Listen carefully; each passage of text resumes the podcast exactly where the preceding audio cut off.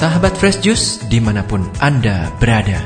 Kita berjumpa kembali dalam Fresh Juice hari ini Edisi Jumat 18 Januari 2019 Bacaan dan renungan akan dibawakan oleh Romo Daniel Manik dari Medan. Selamat mendengarkan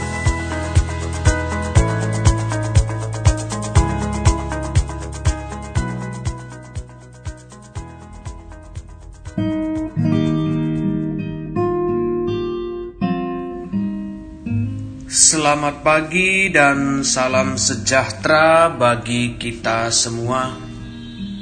Hari ini kita akan bermenung bersama.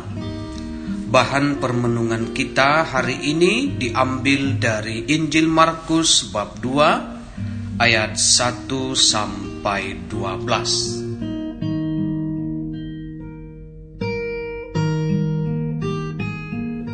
Selang beberapa hari sesudah Yesus datang ke Kapernaum, tersiarlah kabar bahwa ia ada di rumah. Maka datanglah orang-orang berkerumun sehingga tidak ada lagi tempat, bahkan di muka pintu pun tidak. Sementara ia memberitakan firman kepada mereka, ada orang-orang datang membawa kepadanya seorang lumpuh digotong oleh empat orang. Tetapi mereka tidak dapat membawanya kepadanya karena orang banyak itu. Lalu mereka membuka atap yang di atasnya. Sesudah terbuka, mereka menurunkan tilam, tempat orang lumpuh itu terbaring. Ketika Yesus melihat iman mereka, Berkatalah ia kepada orang lumpuh itu, "Hai anakku, dosamu sudah diampuni." Tetapi di situ ada juga duduk beberapa ahli Taurat. Mereka berpikir dalam hatinya, "Mengapa orang ini berkata begitu? Ia menghujat Allah." Siapa yang dapat mengampuni dosa selain daripada Allah sendiri? Tetapi Yesus segera mengetahui dalam hatinya bahwa mereka berpikir demikian. Lalu ia berkata kepada mereka, "Mengapa kamu berpikir begitu dalam hatimu? Manakah lebih mudah mengatakan kepada orang lumpuh ini, 'Dosamu sudah diampuni,' atau mengatakan, 'Bangunlah, angkatlah tilammu, dan berjalanlah. Tetapi supaya kamu tahu bahwa di dunia ini anak manusia berkuasa mengampuni dosa.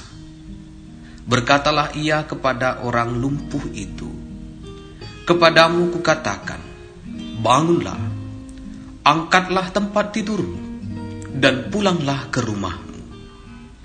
Dan orang itu pun bangun, segera mengangkat tempat tidurnya, dan pergi keluar di hadapan orang-orang itu, sehingga mereka semua takjub, lalu memuliakan Allah katanya, yang begini belum pernah kita lihat. Demikianlah Injil Tuhan.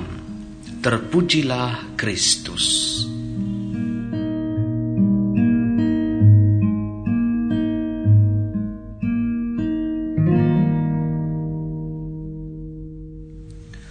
Para sahabat Fresh Juice yang terkasih, iman dan usaha untuk berbuat sesuatu adalah ibarat dua sisi dari sekeping mata uang yang tak terpisahkan. Pada hari ini kita belajar dari pengalaman si lumpuh dan empat orang yang menggotongnya. Iman tanpa perbuatan pada hakikatnya adalah mati, kata Santo Yakobus. Dan sebaliknya juga, usaha tanpa iman juga adalah sia-sia. Yesus mengutarakannya demikian. Dari buahnya lah kamu akan mengenal mereka. tanpa ada perbuatan yang dilakukan, diragukan bahwa di situ ada iman. Perbuatan kita merupakan penampakan dari apa yang kita imani. Para sahabat Juice, begitu tersiar kabar kedatangan Yesus di satu rumah di Kapernaum, orang banyak berdatangan. Orang banyak berdatangan pasti karena mereka telah mendengarkan semua hal-hal yang pernah dikatakan oleh Yesus yang senantiasa penuh dengan kuasa dan penuh wibawa dan bahkan roh-roh jahat pun takluk dengan kata-katanya. Orang banyak itu juga pasti mendengar tentang mukjizat-mukjizat yang telah dilakukan Yesus sebelumnya. Di sini terlihat kerinduan orang banyak ingin bertemu langsung dengan Yesus, dan pasti mereka sudah memiliki tujuan masing-masing di dalam hati mereka. Di antara orang banyak yang ingin menemui Yesus, ada orang lumpuh dan empat orang yang menggotong orang lumpuh tersebut di atas tilamnya. Sangat menarik melihat iman dari keempat orang yang menggotong orang lumpuh tersebut. Mereka adalah orang-orang yang juga telah mendengar tentang kisah Yesus yang bisa memberikan kesembuhan bagi orang-orang yang sakit. Dengan semangat mereka menggotong orang lumpuh tersebut di atas tilamnya dari rumah menuju tempat di mana Yesus sedang berada. Tujuan keempat orang ini bukanlah tujuan untuk diri mereka sendiri, tetapi tujuannya adalah agar orang lumpuh itu mendapatkan kesembuhan dari Yesus.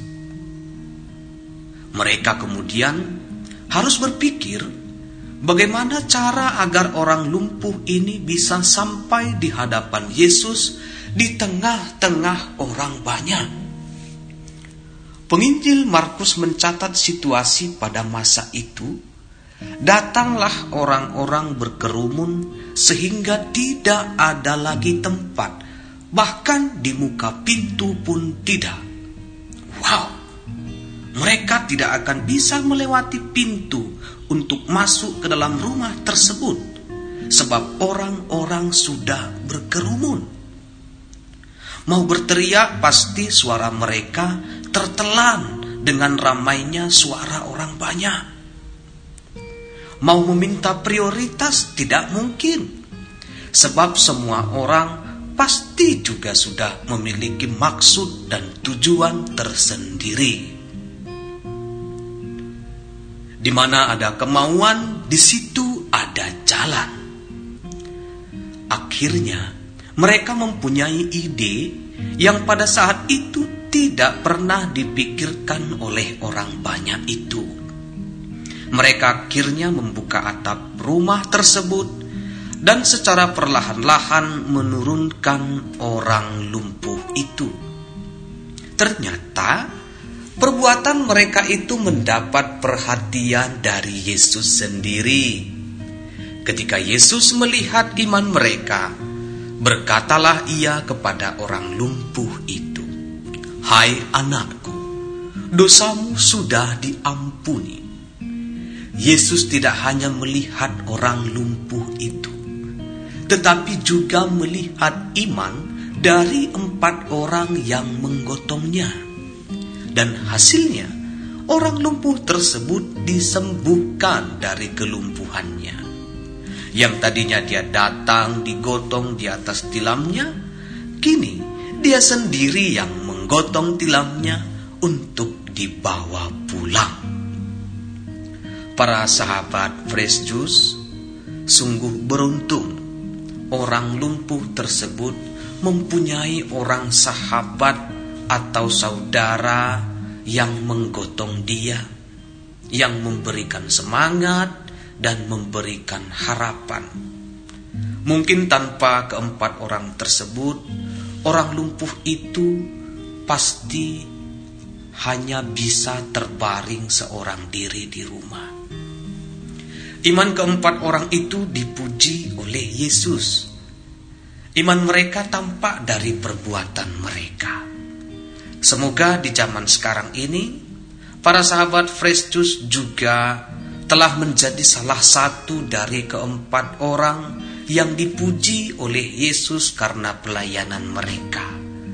Mari sebagai orang beriman kita tunjukkan buah-buah iman itu melalui perbuatan kita. Dari buahnya lah kamu akan mengenal mereka. Fresh Juice, kita baru saja mendengarkan Fresh Juice Jumat 18 Januari 2019. Segenap tim Fresh Juice mengucapkan terima kasih kepada Romo Daniel Manik untuk renungannya pada hari ini. Sampai berjumpa kembali dalam Fresh Juice edisi selanjutnya. Tetap bersuka cita dan salam Fresh Juice.